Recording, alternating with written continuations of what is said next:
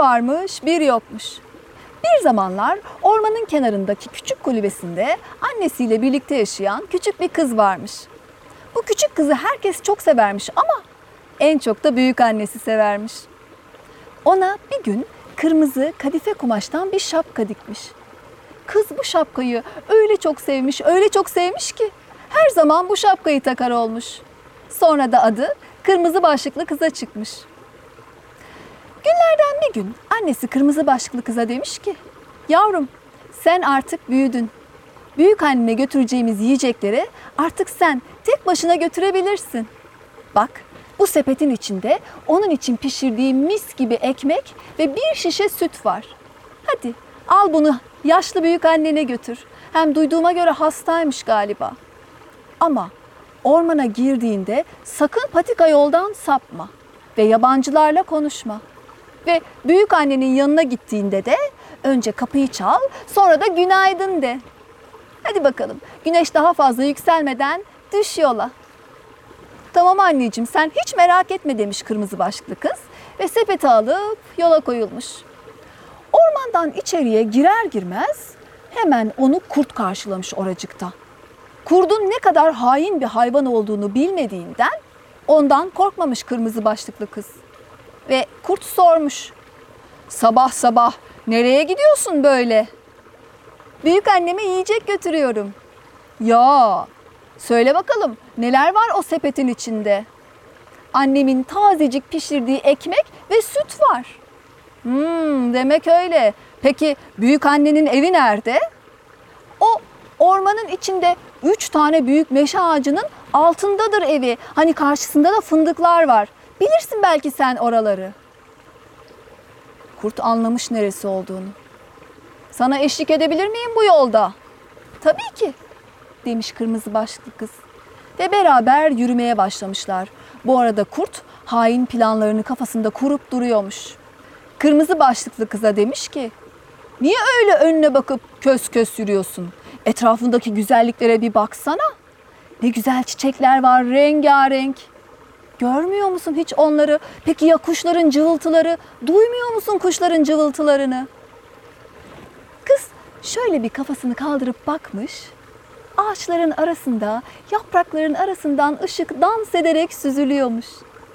Gerçekten de etrafta rengarenk mis gibi kokan çiçekler varmış. Ay büyük anneme şu çiçeklerden biraz toplayayım. Mutlu olur odası da mis gibi kokar diye düşünmüş. Ve çiçeklerden birini koparmış. Biraz ileride bir çiçek daha görmüş. Bunu da alayım diye düşünüp onu da koparmış. Biraz daha ilerlemiş. Biraz daha ilerlemiş. Ve en sonunda patika yoldan sapmış. Kurt da bu arada büyük annenin yolunu tutmuş. Onun kulübesinin önüne geldiğinde kapıyı çalmış. Tık tık tık.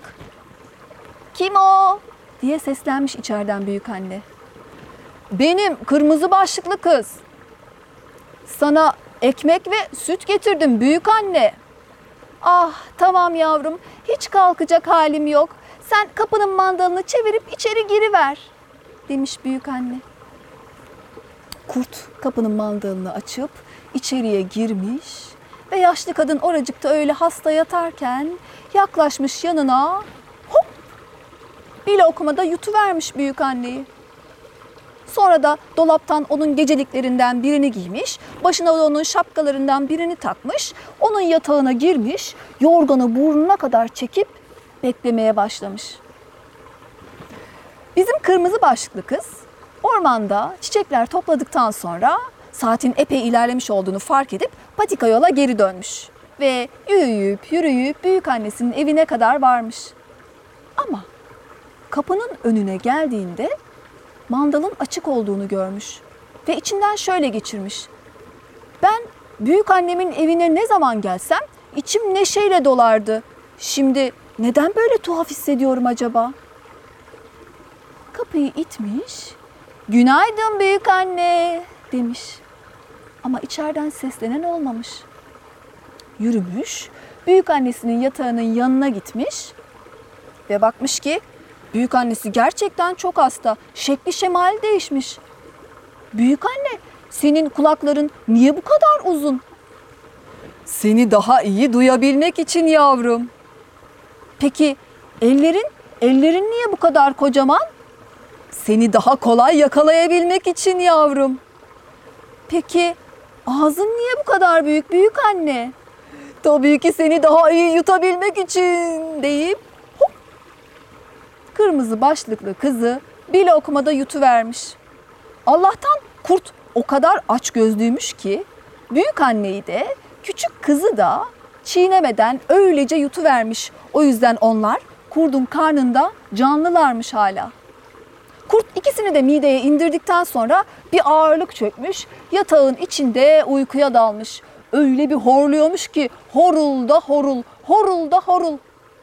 O sırada büyük annenin evinin önünden geçen avcı horultuları duymuş. Ah zavallı teyze bayağı hasta galiba nasıl da horluyor. Gidip şuna bir bakayım diye düşünmüş. Kapının açık olduğunu da fark edip içeriye girmiş. Bir bakmış ki büyük annenin yatağında karnı koskocaman şişmiş olan kurt uyuyor. Vay seni hain kurt ne zamandır seni arıyordum diye düşünüp kurdun karnını oracıkta kesivermiş ve içinden büyük anneyi de kırmızı başlıklı kızı da çıkarmış. İkisi de sapa sağlanmış. Sonra kurdun karnına taşları doldurmuşlar ve de dikmişler. Kurt bir süre sonra uyanmış. Karnındaki taşların ağırlığıyla yürüyebilecek durumda bile değilmiş. Yere düşüvermiş ve kuyruğu titremiş, oracıkta kalmış. Böylece büyük anne ve kırmızı başlıklı kız artık kurttan kurtulmuşlar. Kırmızı başlıklı kız o günden sonra yabancılarla konuşmaması gerektiğini çok iyi öğrenmiş ve de hislerine güvenmesi gerektiğini. Bu masal da burada sona ermiş. Gökten üç elma düşmüş. Bir tanesi bu masalı dinleyenlerin başına, bir tanesi bu masalı anlatanın başına, bir tanesi de bu masalın kahramanlarının başına gitmiş.